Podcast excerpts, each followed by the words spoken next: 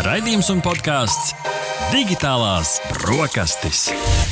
Tava ikdienas tehnoloģiju ziņu deva kopā ar Arti un Rihardu.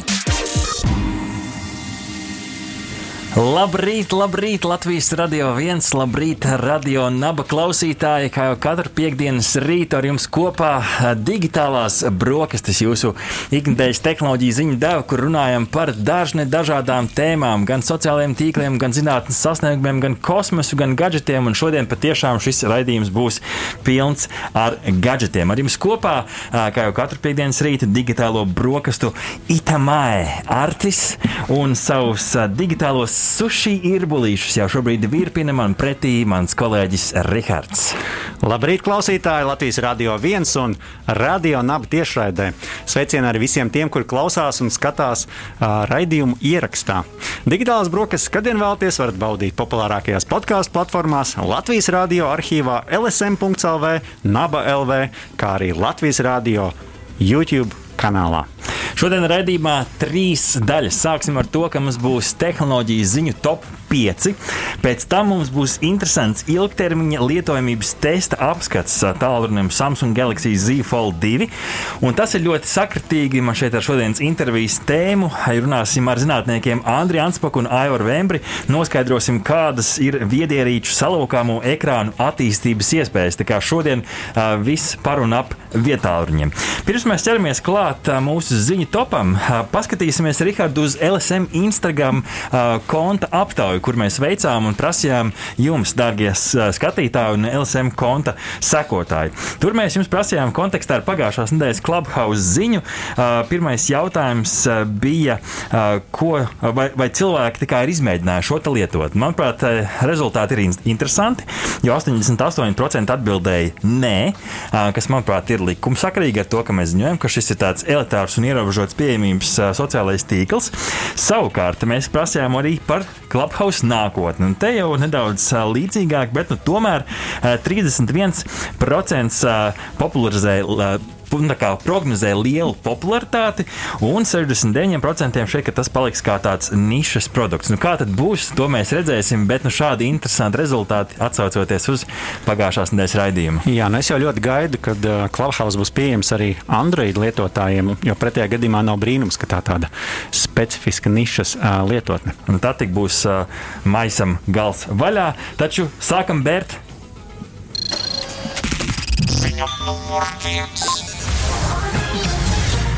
Pirmā ziņa digitālajās brokastīs no Ķīnas tehnoloģiju uzņēmuma Huawei, kurš ir izziņojis tā otro salokāmā vietā runu versiju Mate X2, kā raksta Verge.com.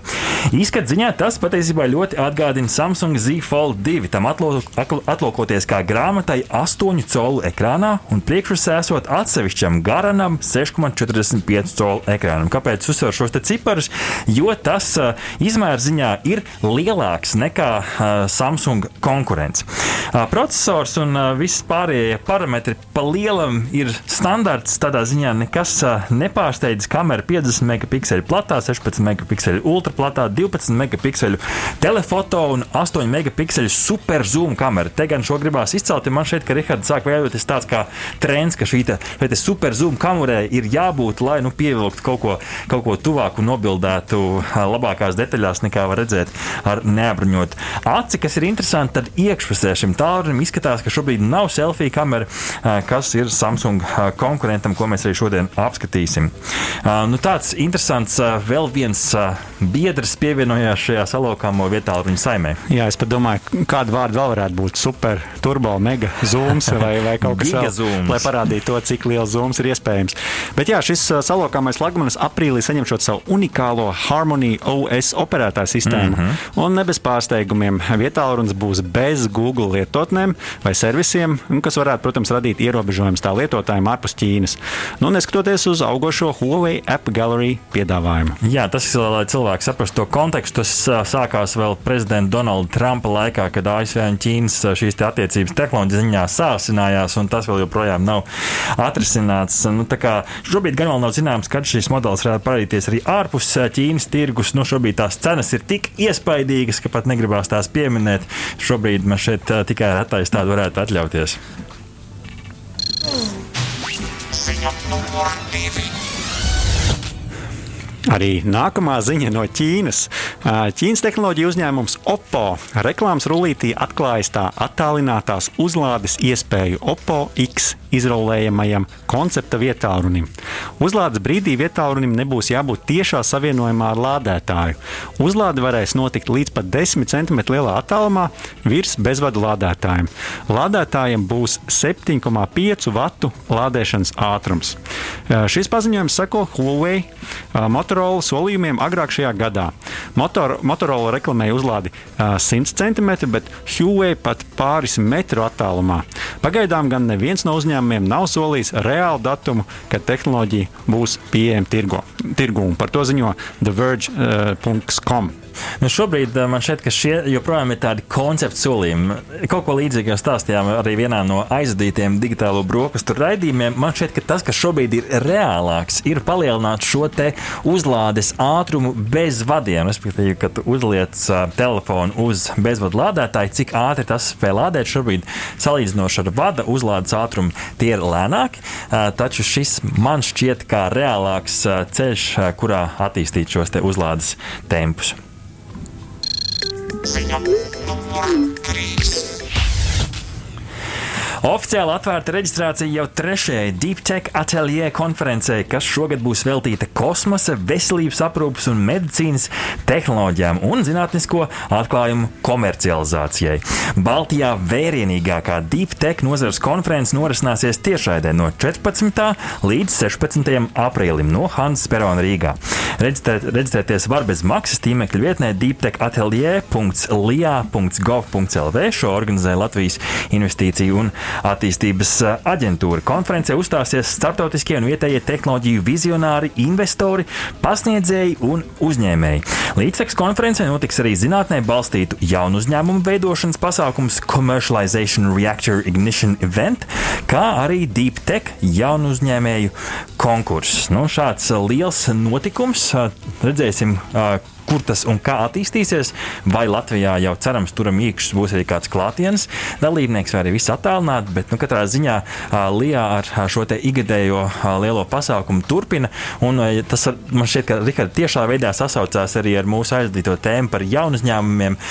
Visi iepriekš aptaujātie jaunu uzņēmumi mūsu raidījumā visi varētu šķiet, kvalificēties šim deep tech, kas vienkāršā valodā nozīmē nu, tāda uh, dziļā tehnoloģija. Nu, tā apakšā ir zinātniski. Tieši tā, jo, jo, kā saka, ir nepieciešama arī, arī zinātnieki iesaist, lai uh, šo uzņēmumu paceltu varbūt tādā jaunā līmenī. Tātad ļoti augstas pievienotās vērtības ekonomika. Ziņa numur 4. Nu, ja kāds palaida garām, tad pagājušajā nedēļā ASV kosmosa aģentūra NASA veiksmīgi nosēdināja Marsa jezero krāterītās izpētes robotu Perseverance. Lai nosēstos neskarts, robots tuvojās planētas virsmai, apbruņojies ar vairogu un izpletni ātruma samazināšanai. Kopš tā nosēšanās tas jau ir pārraidījis uz Zemi vairākus attēlus, audio un video ierakstus. Gan nosēšanās brīdī no vairākiem leņķiem, gan, gan sarkanās planētas, ainavas augstā izšķirtspējā. Tātad visādi skaisti foto, audio, video attēli no šī Es jau Rikārd, domāju, ka tu teiksi, viņš apbruņojas ar vairogu un zobenu un dodas cīnīties ar marsiešiem, bet nē, apbruņojums jau tam patiesībā ir diezgan iespaidīgs. Tur virsū ir šim pašgājējiem gan lāzeri, gan 20 kameras, mikrofoni, pat neliels helikopters, kas darbojas ar saules uzlādes baterijām. Tā kā vienā brīdī būs arī šis eksperiments noteikti, un tad viņi, man šeit tas, ko viņi dara, viņi pa, pa, pa druskai, pa mazam gabaliņam atsūta kādu video, noprezentē kādu jaunu skatu Man šķiet, ka šobrīd jau internetā ir visa Marsa ainava 360 grādos 4K kvalitātē, un tad vienā brīdī arī viņi man šķiet, mēģinās šo eh, helikopteru pacelt gaisā. Jā, nu tagad uh, robotam priekšā ir galvenais uzdevums - ievākt grunts paraugus un meklēt mm -hmm. dzīvības pēdas uz Marsa. Uh, nu, kas tur varētu būt bijis pirms gan 4 miljardiem gadu? 4 miljardi. Kad uz planētas vēl varēja būt arī ūdens. Bet, nu, kādā ziņā ļoti interesanti, jo tas plāns ir tāds, ka viņi tos paraugus savāc tādās tūbiņās, un tad kaut kāds nākamais robots pēc gadiem tās uzlasa un atved atpakaļ uz Zemi. Nu, vienmēr sakot, uh, prātam neaptveram, neaptverams tehnoloģijas, bet, nu, kā saka, ļoti aizraujoši tam arī visam sekot līdzi. Laikam jau arī sasauc sasaucās ar to, ko teica viens no mūsu viesiem no RTU par to, ka, lai startētu šajā visā kosmosa izpētē, pilnīgi pietiek sākumā ar loģisko domāšanu. Šeit ar loģisko domāšanu un domāšanu vairākus soļus uz priekšu, nu galīgi nekā neiztikt. Ziņa numur 5. Ziņa numur 5 tāda varbūt nedaudz nomierinoša no WhatsApp saziņas platformas, kura detalizētāk skaidro, kas notiks ar tiem, kuri nepiekritīs tās privātuma politikai. Sākot ar 15. māju, pieejams iespējas kļūs ierobežotākas. Respektīvi, ja nepie, neieliks šo ķeksīti, tad vienā brīdī sāks aptrūkties iespējas, ko varēs darīt lietotnē. Sākumā lietotāji nevarēšot sūtīt vai pat saņemt ziņas, vēlāk zudīšot arī iespēju saņemt un veikt zvanus, kā arī saņemt vispār paziņojumus no lietotnes. Nestraucieties, šis nav nekas jauns. Šis ir turpinājums tam pašam stāstam, kas jau izsauc lielu ažiotāžu janvārī, kad cilvēki satraucās par to, ka WhatsApp varētu nodot tās mātes kompānijai Facebook dažādus datus. WhatsApp gan skaidro, ka šī saruna starp vairākām pusēm paliek arī šajās viedie rīcēs, un pa vidu viss ir nošifrēts, bet nu, tomēr cilvēki tāpat uztraucās. Līdz ar to pagaidām šis te, nu, teikt, termiņš, līdz kuram ir jāpiekrīt, ir pagarināts. Šobrīd ir noteikti tas skaidrojošais darbs, lai cilvēki nebēg. Es nezinu, Rihard, kā tavā draugu lokā, vismaz savā, es esmu atradis pa kādam cilvēkam, kurš ir nu, jau šobrīd pavisam atteicies un jau ir pieteicis draugiem, ka turpmāk man meklējiet tur, tur un tur. Jā, nu arī manā draugu lokā ir šādi cilvēki, un ir jau tādi arī vairākus gadus.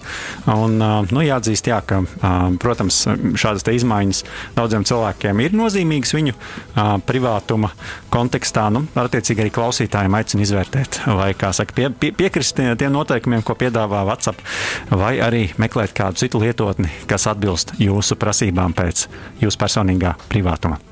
Tāds šo nedēļu ir mūsu interesantāko ziņu top 5.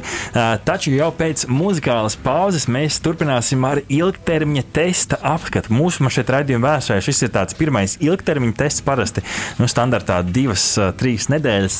Šoreiz testējām vietā runu trīs plus mēnešus un runāsim vairāk nevis par tām sarežģītajām detaļām un, un, un iekšām, kas parasti ir šajos dzelžos, bet parunāsim par to cilvēcisko, kā ir dzīvot ar salokām vietā un ilgākā laika posmā. Palieciet kopā ar mums!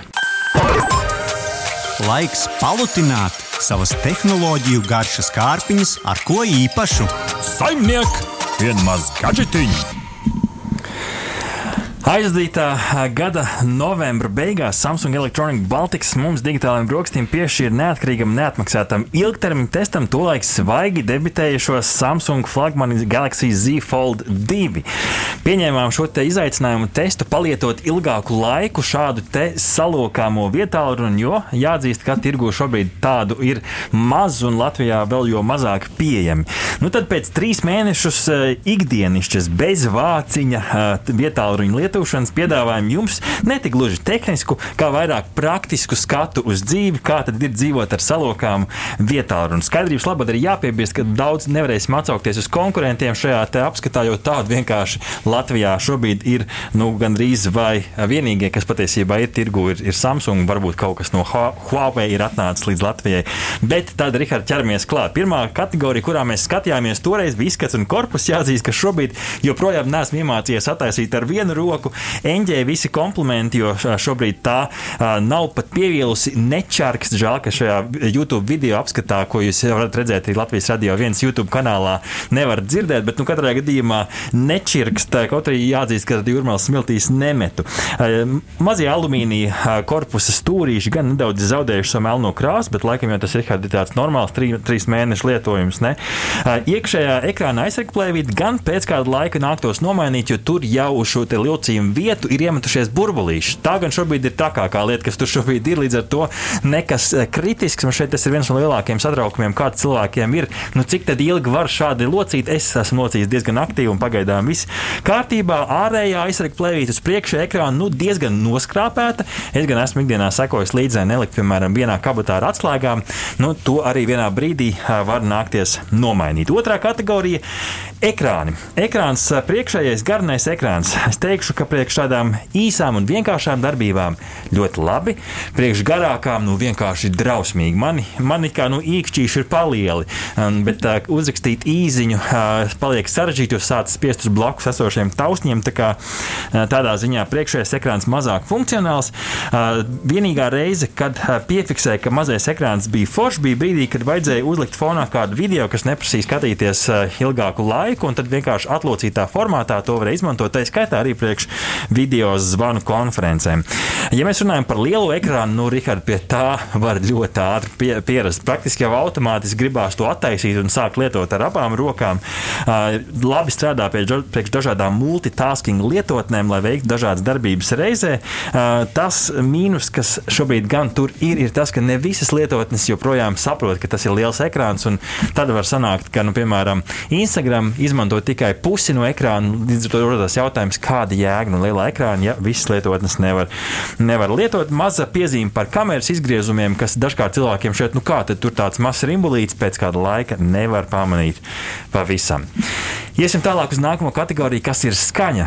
Nu, te, laikam, es jau vienreiz solīju, ka par 3,5 mm audio džeku nesamību es vairs nesūdzēšos. Te gan tāds mazs novērojums ikdienā, ka var dzīvot bez tā, ja ir bezvadu austiņas. Bet jautājums, kas notiek tajā brīdī, kad bezvadu austiņas izlādējās, nu tad gan, diemžēl, ir jāmeklē tās Type-C austiņas, kas nāk līdzi komplektācijā un uh, jāizmanto šādā veidā. Parunāsim par kameru. Pie labas kameras kvalitātes, protams, var ātri pierast. Un jau ikdienas tāda normāla sastāvdaļa, kad, kad ir labas bildes, bet manuprāt, tādas ir visiem konkurentiem, gan iPhone, gan Huawei, gan LG, gan pārējiem uh, flagmaņiem. Uh, līdz ar to uh, īpaši labi, kur es novēroju, ka var redzēt liels, skaists dabas ainavas, kur pēc tam var ielikt datorā, kā arī bildēt, piemēram, maz detaļas, kā ūdens skaitītāja rādījums, kas jānodod reiz mēnesī. Tos var ļoti labi zem izlietnes nobildēt ar šo dārgo vietālu. Es gan neesmu aktīvs aktīvākais filmētājs, taču bažas par 4K video šo smagumu atmiņas ziņā teikt, nu, neatspēlējās ar atmiņu visādā ziņā labi. Nakts režīms, manuprāt, priekš manis paši ir pārvērtēts ļoti reti, kad sanāca šo izmantot. Un atceries, Rihard, ka mēs raucām uzvedas par lielo kameras izvirzījumu telefona aizmugurē. Jāatzīst, ka nekur pat neskrāpējās, neatstās. Man šeit, ka YouTube šajā video var arī skatītāji redzēt, ka nav diži arī apbružāts. Procesors un jauda šeit vispār nav ko, nav ko daudz komentēt. Man šeit dara savu darbiņu labi. Nu, kā jau vairums jauni telefoni, vai ne? Lielākas problēmas radās pēc tā gada, diviem, kad uh, viss sāka palikt lēnāks jebkuram no modeļiem. Atmiņa 256 normālam lietotājam ļoti adekvāts uh, izmērs. Tādā ziņā uh, nebija problēma ar šo.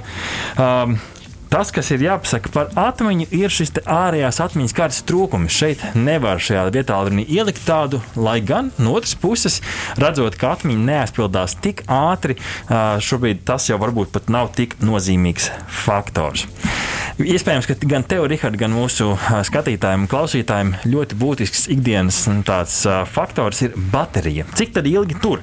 Nu, es teikšu, ka man aktīvi lietojot, gan skatoties video, gan izmantojot priekš video zvaniem, uh, aptuveni viena diena arī sanāca. Reizi dienā vai naktī vajadzēja šo tālruni uzlādēt. Tā kā tādā ziņā laikam jau normāli, ka tu reizi dienā lādē savu telefonu.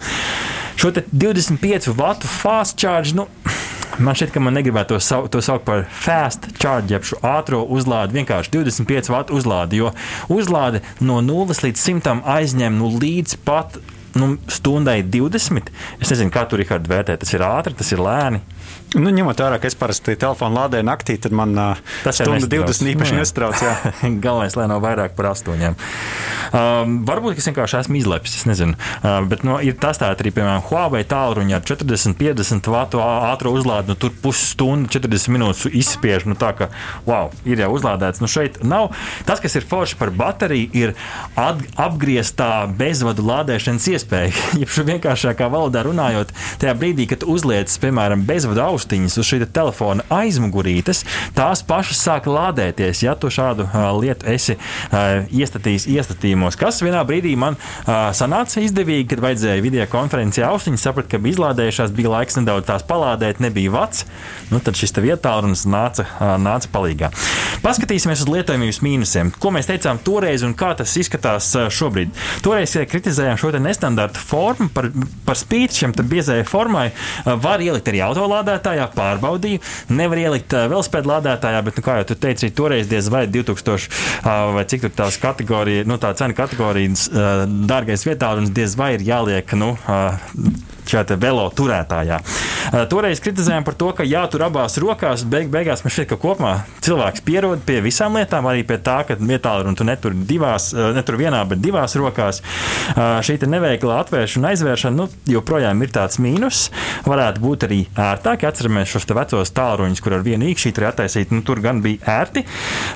Un tas, kas vēl ir jāizceļ, priekšējais ekrāns šaurs, patiešām neparocīgi.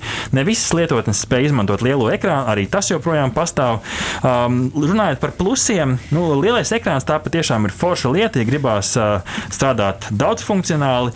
Uh, korpus un apgare, nu, jau minēja, ka nedaudz ir apdilis. Uh, eņģe, kas nofiksējās, joprojām ir forši, arī tā skaitā, piemēram, 60 grādu leņķī. Un tas, kas ir varbūt nācis klāt, ka pirkstu nospiedumu lasītājs kopā ar sejas atpazīšanas kameru, uh, tas rada tādu perfektu, uh, ātru pieslēgšanos. Līdz ar to šo trīs mēnešu rezumē par salokāmiem vietāluņiem. Manuprāt, nākotnē, skatoties nākotnes prizmā, tas ir ideālais kompanions tādiem, kuri strādā mobili, grib darīt divas lietas uz vienu ekrānu un grib baudīt video materiālus uz lielāka ekrāna.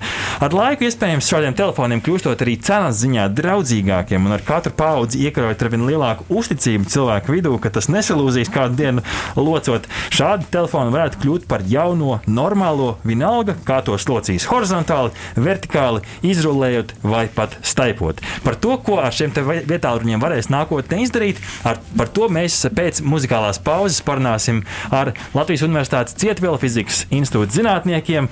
Palieciet kopā ar mums! Mm. Ko liksim uz kārā zoba? Digitālo brokastu saldais ēdiens. Jā, klausītāji, sveicam jūs atpakaļ pie digitālo brokastu galda. Un, kā jau Vārts pieteica, runāsim par viedierīcēm un to ekrāniem. Un, nu, tad jāatzīmē, ka viedierīces ir kļuvušas par neatņemamu ikdienas sastāvdaļu vairumam no mums. Vēlamies, lai tās ir ērtas un mobīlas.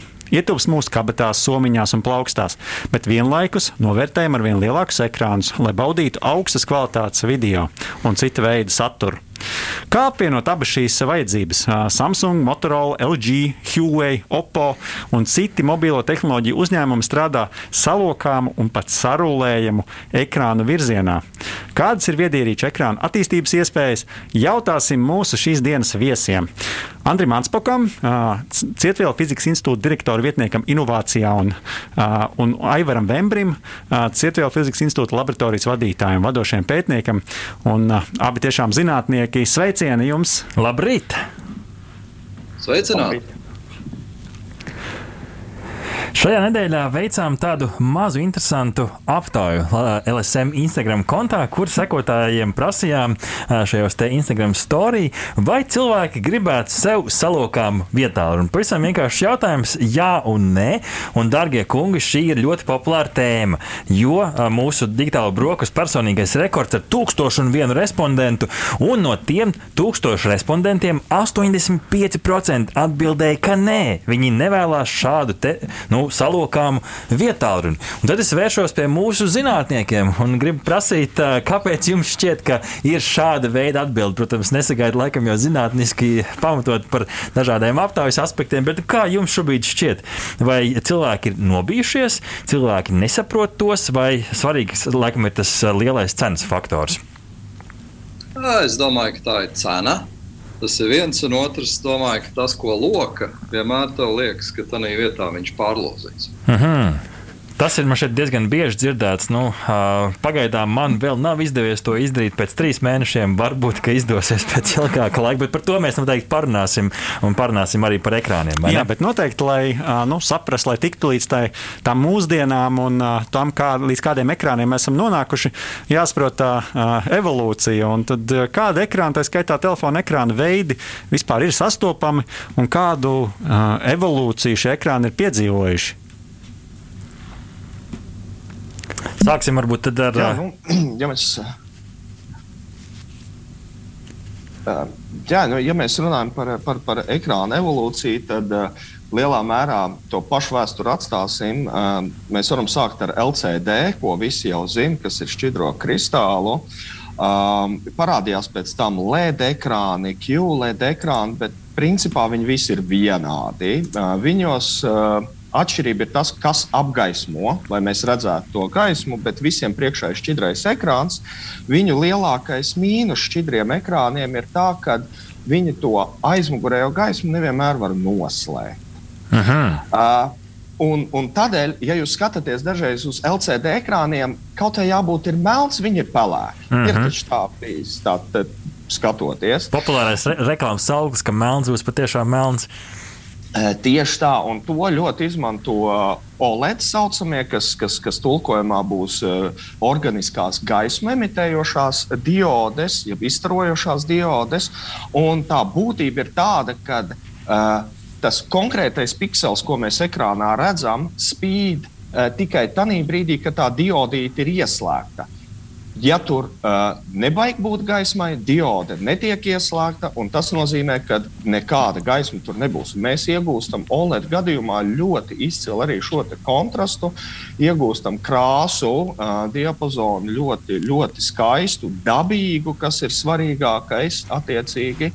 Un uh, arī, kas ir ļoti būtiski priekš mobiliem telefoniem, jeb uh, viettelefoniem, tātad, ja piksels nespīd, tātad tā vietiņa netiek barota ar enerģiju, akumulators ilgāk saglabājas. LCD gadījumā vai LED gadījumā visu laiku tiek darbināts tās lampas, un mums ātrāk izlādēs telefons. Ja mums tagad jāapskatās tīri tā vēsturiski un no esošās lietošanas paradumiem, tie ekrāni joprojām ir gan LCD, gan OLED, gan LED, gan AMOLED. Viņi darbojas paralēli un katram ir atradis kaut kādu savu labāko pielietojumu, vai ir kaut kāda ekrāna, no kuriem mēs esam atteikušies jau, ka tie, tie mums vairs nav īsti noderīgi. Uh, nu, atteikušies mēs lielā mērā esam no LCD, kas ir klasiskiem, kuriem bija baltās dies, dienas gaismas uh, lampas aizmugurē, kas bija ļoti ekonomiski neizdevīgi. Pašlaik mēs esam palikuši pie LED, uh, QLED, jo viņi ir enerģētiski izdevīgi. OLED, uh, jā, OLED, uh, jūs arī pieminējāt AMOLED. Uh, principā tas ir tas pats OLED, uh, tikai ar tādām.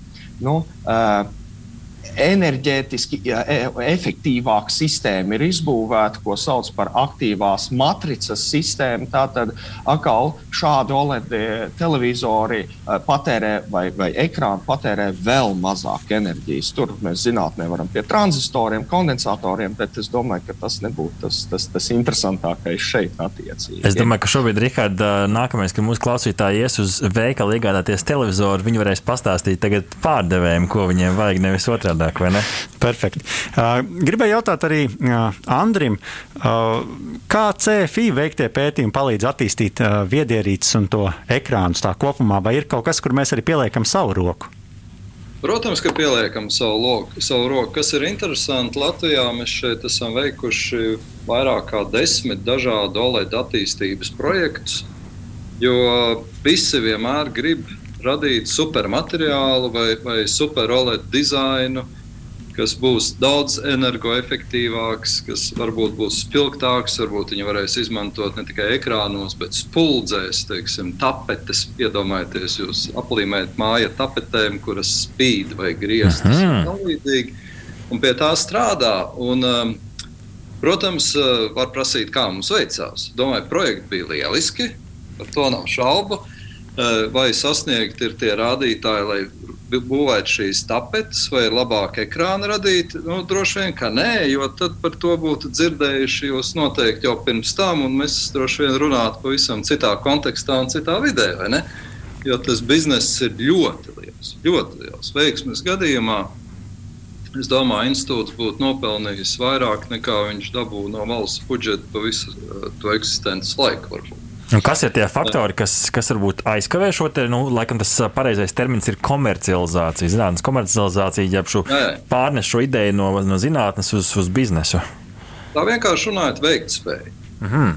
Tā ir veiktspēja. Vai tiešām tas solēts ir labāks? Viņš spīd, viņš ir, bet viņš nav tik labs, lai izspiestu no tirgus to, kas jau eksistē. Nu, tā pavisam vienkārši. Uh -huh. Vai ir arī vēl kādi citi komponenti, kurus nu, tādā veidošanā izstrādā arī iesaistās Latvijas zinātnieki? Teiksim, viedierīcēm, kas ir varbūt aktuāls. Ņemot vērā, ka mēs arī domājam par varbūt salokāmām viedierīcēm, varbūt kaut jā, ko tam līdzīgu.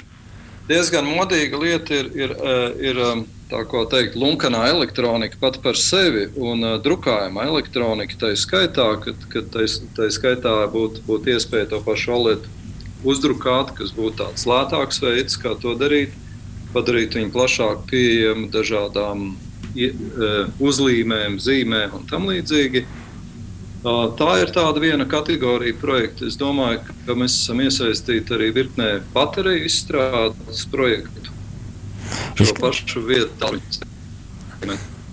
Izskatās, ka internets mūs nedaudz grib izjokot, tāpēc es varbūt pārslēgšos pie, pie otra kolēģa, izmantošu izdevību, ko mums ir tā iespēja, un parunāsim par tiem ekrāniem. Mums ir, protams, ir plakana ekrāni, tas jau ir stā, standarts. Tad mums ir ekrāni, kas ir izliekti, tas jau, jau nedaudz vairāk izplešs cilvēkiem acis, ejot garām, pie, piemēram, skatlogiem.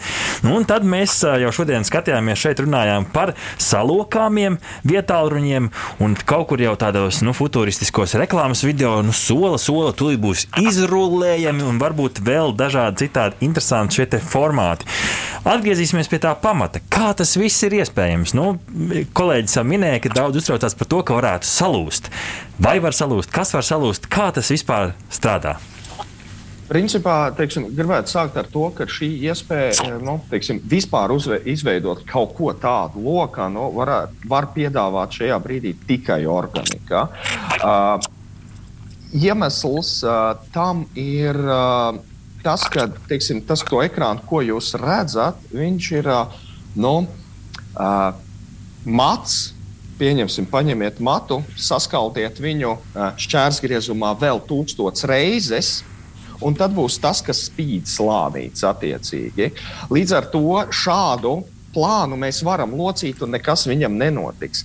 Galvenokārt, kāpēc šī tehnoloģija neieviesās daudz ātrāk vai netika ieviesta daudz ātrāk, ir saistīta ar pārējiem slāņiem, jo bez tā, ka tas, tā organikai ir jāspīd, Uh, mums ir elektrodi jāpieliek klāt, tātad nu, vadiņi faktiski runājot. Un tie, gribot, negribot, ir daļēji metāliski.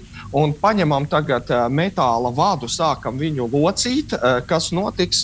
Vien, drīz vien no viena pārvērtīsies divi. Ja? Un, un viss ar to pasākums beigsies.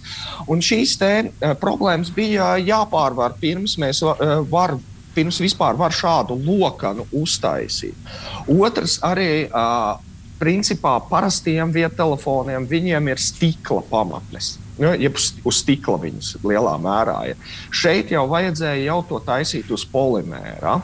Un, Kas un, ir polimērs? Tas ir tas pats stikls, tā ir plasmasa? Jā, um, um teiksim. Um, tā or, organiskais stikls savā ziņā mēs varētu teikt, ka tas ir tikai. Mm -hmm. nu, paņem, paņemam maisiņu. Maisiņš ir polimērs. Mm -hmm. Mēs mhm. viņu varam locīt. Nu, tad kaut kas līdzīgs mums ir bijis vajadzīgs šād, uz šādas pamatnītes, uz tādas lokanas, mīkstas pamatnītes, uzklāt visus šos slāņus. Bet viena no tām problēmām ir, protams, metāliskā sadaļa tur iekšā, jo tā strāva kaut kā ir jāpievada. Un tas ir tas, kas bija vislielākā problēma pārvarēt. Kā iztaisīt tādu sistēmu, lai lokot tā elektriskā daļa, jeb tā metāliskā daļa vienkārši neplīstu. Un, un tas bija pirmo šādu telefonu lielākais nu, rūpe un, un, un, un, un problemātika. Jā, interesanti.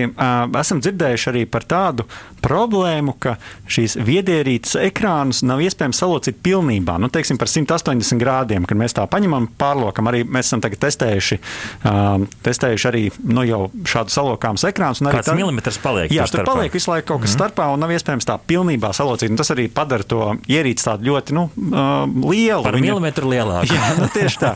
Uh, tieši tā, milimetrs diezgan daudz. Uh, nu, uh, cik tālu esam no tehnoloģijas, kas ļautu ekrānu pilnībā pārlocīt, vai realistiski domāt par ekrānu, ko varētu salocīt vairāk kā, um, vairāk kā vienu reizi. Tātad nu, vienreiz pārlocīt, un tad vēl vienreiz pārlocīt. Tādu mēs varam. Jā. Es domāju, ka tā nav, nav, nav teiksim, vairāk reizes pārlokām. Tā nav varbūt tā lielākā problēma, un to var izdarīt arī pie patreizējās tehnoloģijas. Cerēt, ka mēs viņu varēsim pārlocīt tā, lai milimetrs nepaliktu, nu, patreizējās tehnoloģijas to nepiedāvā. Un uh, iespējams, ka arī nākotnē tīri, mm, ir, ir, ir vairāk ierobežojumi, kas to uh, nepieļaus. Pieņemsim, paņemam papīra lapu, ja mēs viņu pārlokam tā, lai tur nekas nepaliktu, tad mēs viņu nu, atlokot atpakaļ, tur uzreiz būs parādīsies tā vieta, kur mēs esam viņu locījuši. Nu, faktiski arī šeit tieši tas pats notiks. Uh, mēs tomēr viņu pie tik maza locījuma uzreiz sabojāsim. Ja? Tā tad ir jāpaliek kaut kādam mazam locījuma rādījusam, lai mēs viņu pilnībā, nu, nav tādi tā, tā, ideāli materiāli, kurus mēs tur varētu tā pielietot. Uz nulīti viņa savu. Vai, var, vai tad varētu teikt, ka šis sarulējamais ekrāns, kas ir nākamais nu, mārketinga triks, ka nevis saloci, bet sarulē, vai tas savā ziņā ir tāds tā kā, nu, risinājums, risinājums jā, šai salūšanas problēmai? Uh, jā, jā, tieši tā. Tas, tā, tas ir veids. Uh, ka tomēr mēs viņu mazliet varam saru, sa, sarulēt nu, ar, ar, ar saprātīgu mm -hmm. tādu rādījumu, bet uh, tas attiecīgi dod iespēju, ka uh, pieņemsim jaunākie šie te rulējumie televizori ir tā, ka uh, Senos laikos, lai mēs izbīdītu televizoru un iebīdītu atpakaļ, mums vajadzēja tādu podestāli, kurā, televizoru, kurā televizors pazuda. Tagad viņš var būt arī dažus cent, nu, desmit centimetrus, kurā viņš tiek ierulēts iekšā un pēc tam izrulēts laukā. Kas ir jau, jau komerciāli pat pieejami. Jā, gribētu uh, Andrim pajautāt uh, par. Uh, par to, ka nu, ekrāni kļūst arvien vieglāki, arvien plānāki, nu, lai attiecīgi viņus varētu uh, salocīt. Un uh, rodas jautājums, uh, nu, kā tos labāk aizsargāt, kādas ir tās jaunākās tehnoloģijas ekrāna aizsardzībai, lai tie nezaudētu visas tās labās īpašības. Jo nu, ir jābūt gan uh, noturīgiem pret mitrumu, gan pret putekļiem, un vienlaikus vēl jālokās, jārulējās un vēl sazina, kas jādara.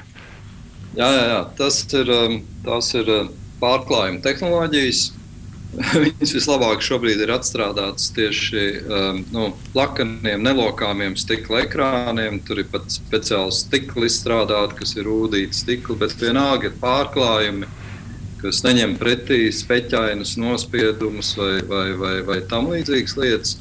Tas pats ir polimēriem. Arī polimēri, ja plastmas, var būt uh, daudzslāņu struktūras, kur virsējā slāņa uzdevums ir ir, ir nodrošināt to aizsardzību. Un, uh, es domāju, tādiem ilgspējā lietojumiem ir jāizdomā schēma, kā tu vari virsējo slāni pa laikam nomainīt. Jā. Es domāju, ka tā ir tā lieta. Jā, varbūt, varbūt arī uh, Aivaram ir vēl kāda piebilde tieši par tām jaunākajām tehnoloģijām, kā aizsargāt tos salokāmos un rullējumos e ekrānus.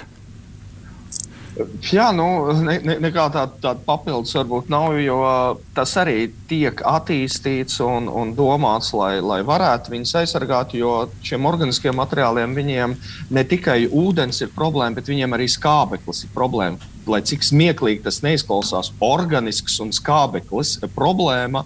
Eh, tas nav bioloģisks, tādēļ ir problēma arī skābeklis.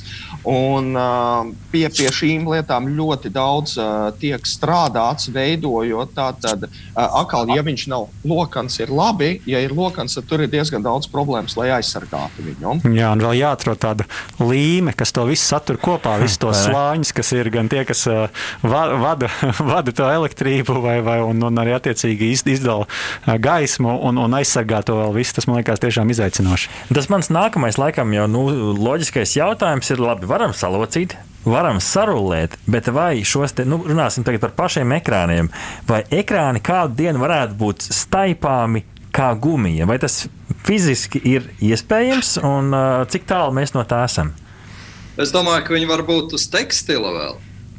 Nu, tas ir kā strēbēm uzdrukāt ekrānu. Tas, domāju, būtu baigi stilīgi.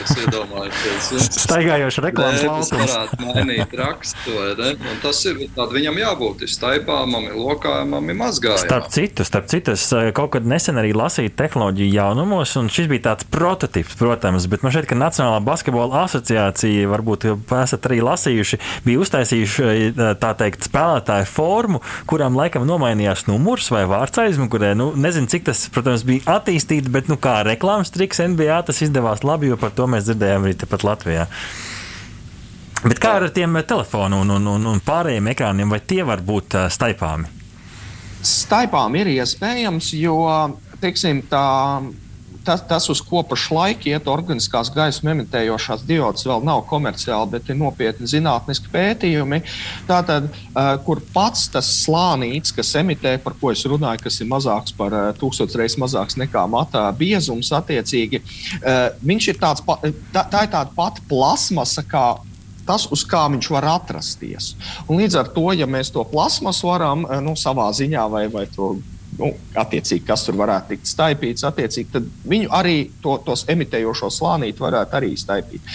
Bet kārtējo reizi, ar, pret ko mēs atduramies, ir, kad mums ir jāpievada elektrība klāt. Tad atkal šeit ir jautājums, kas tad būs uh, tie materiāli, kuri uh, spēs pietiekoši labi vadīt elektrību un vēl joprojām staipīties. Jo, uh, kārtējo reizi atkal tas sanāk tā, ka, ja, mēs, ja tas ir kaut kāds elektrons, kur mēs pastaipām, tad viņa uh, elektrības vadīšanas spēja attāluma dēļ sāk zust. Attiecīgi. Tur ir tādas fizikālas lietas uh, iekšā. Bet kaut kādās robežās, varbūt nevis reizes divi, reizes pieci, bet varbūt mazliet, uh, par 10, 20% uh, tāda iespēja var būt. Uh, vēl, vēl jāpaug līdz tam, ir, bet, uh, bet tas ir iespējams.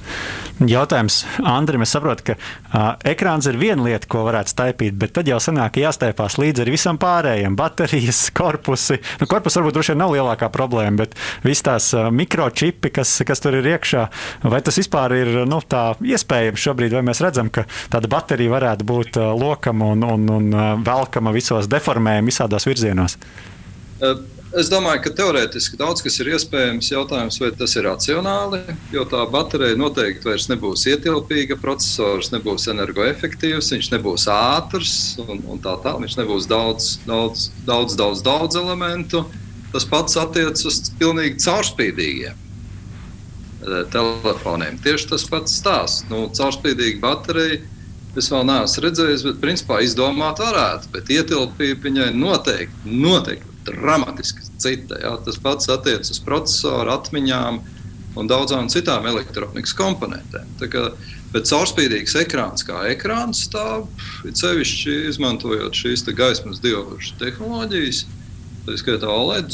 Kāpēc nē? Kāpēc nē? Starp citu, es, eh, es, nesen... es domāju, ka daudz interesantāka lieta, uz ko tie strādā, ir tādi plāksteri, ko mēs līmēsim virsū, kur būs ekrāns un viņš rādīs, vai, vai, vai ar tevi viss ir šobrīd kārtībā. Veselība, tur tā lunkanums un staipīgums vajadzīgs nelielās robežās, tik cik kāda to taisa. Nu, tas ir tas, dēļ kā tas viss daudz maz tagad tiek arī taisīts. Šeit mēs sadzirdējām veselas divas interesantas tēmas. Viens ir šis caurspīdīgums. Es nesen vienā YouTube video apskatā redzēju, ka Ķīnā pagaidām pārējā pasaulē gan laikam vēl nav, bet Ķīnā, ja nemaldos, Xiaomi televizors pilnībā caurspīdīgs. Un te jau varētu runāt garu un, plaši par to praktisko pielietojumu. Taču patiešām strādāja. Apakšā bija šī kastīte garanā, līdzīgi kā tiem sarulējumiem, un vienkārši liels stikls, nu tāds nedaudz varbūt matēts, ne gluži pavisam caurspīdīgs, taču uh, televizoru jau varēja skatīties. Uh, cik liela uh, iespējamība, ka tas kādu dienu varētu būt jaunais normālais kungi? Domājams, ka tur nav, teiksim tā, ja es nemaldos, pat LG pēdējā Losandželosas vienā izstādē, es varētu mazliet samaloties, mm -hmm. jau parādīja arī savus caurspīdīgos televizorus, un, un tā, tā, tā vairāk nav nekāda, teiksim, tāda ļoti var teikt, tāda jauna varbūt lieta vispārīgi runājot, jo eh, šī solēda sakrā ar to, ka tas ir tik plāns. tad, ja mums aizmugurē nekas nav, tad uh, faktiski nu, nekāda tāda jā, necaurspīdīgas lietas, kas ir telefonā, ja tur tāpat baterija un tā tālāk, tad uh, šie elektrodi, kas ir tie elektrības vadoši, viņi jau ir caurspīdīgi. Gaismas emitējošās diodes ir tik plānas, ka viņas arī ir caurspīdīgas. Līdz ar to šādu lietu radīt nav problēmas, un viņas jau ir arī, ja nemaldos, arī komerciāli. Protams, jautājums par cenu, bet komerciāli viņas jau ir, ir, ir, ir pieejamas attiecīgi. Un ļoti daudz skatās tieši autobūvniecību šo te lietu, jo principā uz priekšējā stikla mēs varam at attēlot uh, brīdinājumu zīmes, parādīt tumšā laikā, ka tur ir cilvēks, uzmanieties. Tas notiek viss jau, uh, tas paredzamais, ka tas notiks viss uz priekšējā stikla attiecīgi. Un tur šis caurspīdījums, protams, ir ļoti vajadzīgs un uz to arī viss iet. Jā. Jā, tas, ko es teicu, ekrāni ir. Ekrāni ir, bet apakšā tam televizoram ir necaurspīdīga kastīte. un tur sēž iekšā procesori, atmiņas, elektronika un viss pārējais. To caurspīdīgi nav racionāli taisīt. Nu, vienmēr sakot, mums priekšā tiešām ir ļoti interesanta nākotne attiecībā uz ekrāniem. Protams, jāskatās arī, kā tā virtuālā realitāte un papildinātā realitāte sajies ar to visu kopā, vai tie konkurēs, vai varbūt pat viens otru izkonkurēs, kas to zina. Bet katrā ziņā ļoti interesanta saruna par, par ekrāniem, gan to pagātni, gan arī nākotni. Un, teiksim, paldies Andrim Anspakam un Aivaram Vembrim, diviem zinātniekiem no Cietvielu fizikas institūta. Lielas paldies jums par ieskatu ekrānos! Paldies! Visu labu! Nu, redz, kā draugi studējiet fiziku, un arī kādien jūs varēsiet darboties ar šādām interesantām tehnoloģijām. Kas mums sagaida nākamnedēļ, Rihards? Jā, esiet kopā ar mums arī nākamā piekdiena, kad kā ierasts iepazīstināsim jūs ar tehnoloģiju jaunumiem, kā arī uzzināsim, uzzināsim par inovatīviem risinājumiem elektroapgādē. O, par elektroapgādi. Nu, redz, kā dažādi šie te tehnoloģija aspekti mums ir jāapspēlē katru nedēļu. Tad sapratīsim nākamreiz, ko tad Latvijā var uzlādēt un cik reāli tas, ka mums kādu dienu visiem varētu būt elektroautomašīnas. Par to mēs noteikti ieskicēsim nākamreiz. Sekojiet LSM Instagram kontā kontā šiem stāstiem. Tur arī mēs prasīsim jautājumus arī šīs un nākamās nedēļas kontekstā. Lielas paldies, ka bijāt kopā ar mums. Digitālās brokastis ir noslēgušās. Mūzikas redaktors Girts Bišs, pie režijas pults Arnolds Auziņš, raidījumu veidoja Radio Naba autori Artis Ozoliņš un Rihards Blēse speciāli Latvijas Radio 1. Tiekamies nākamā piekdiena! Tu klausījies Digitālās brokastis. Katru piekdienu no 10 līdz 11. Arī podkāstu formātā, populārākajās platformās. Digitālās brokastis. Tava ikdienas tehnoloģiju ziņu deva.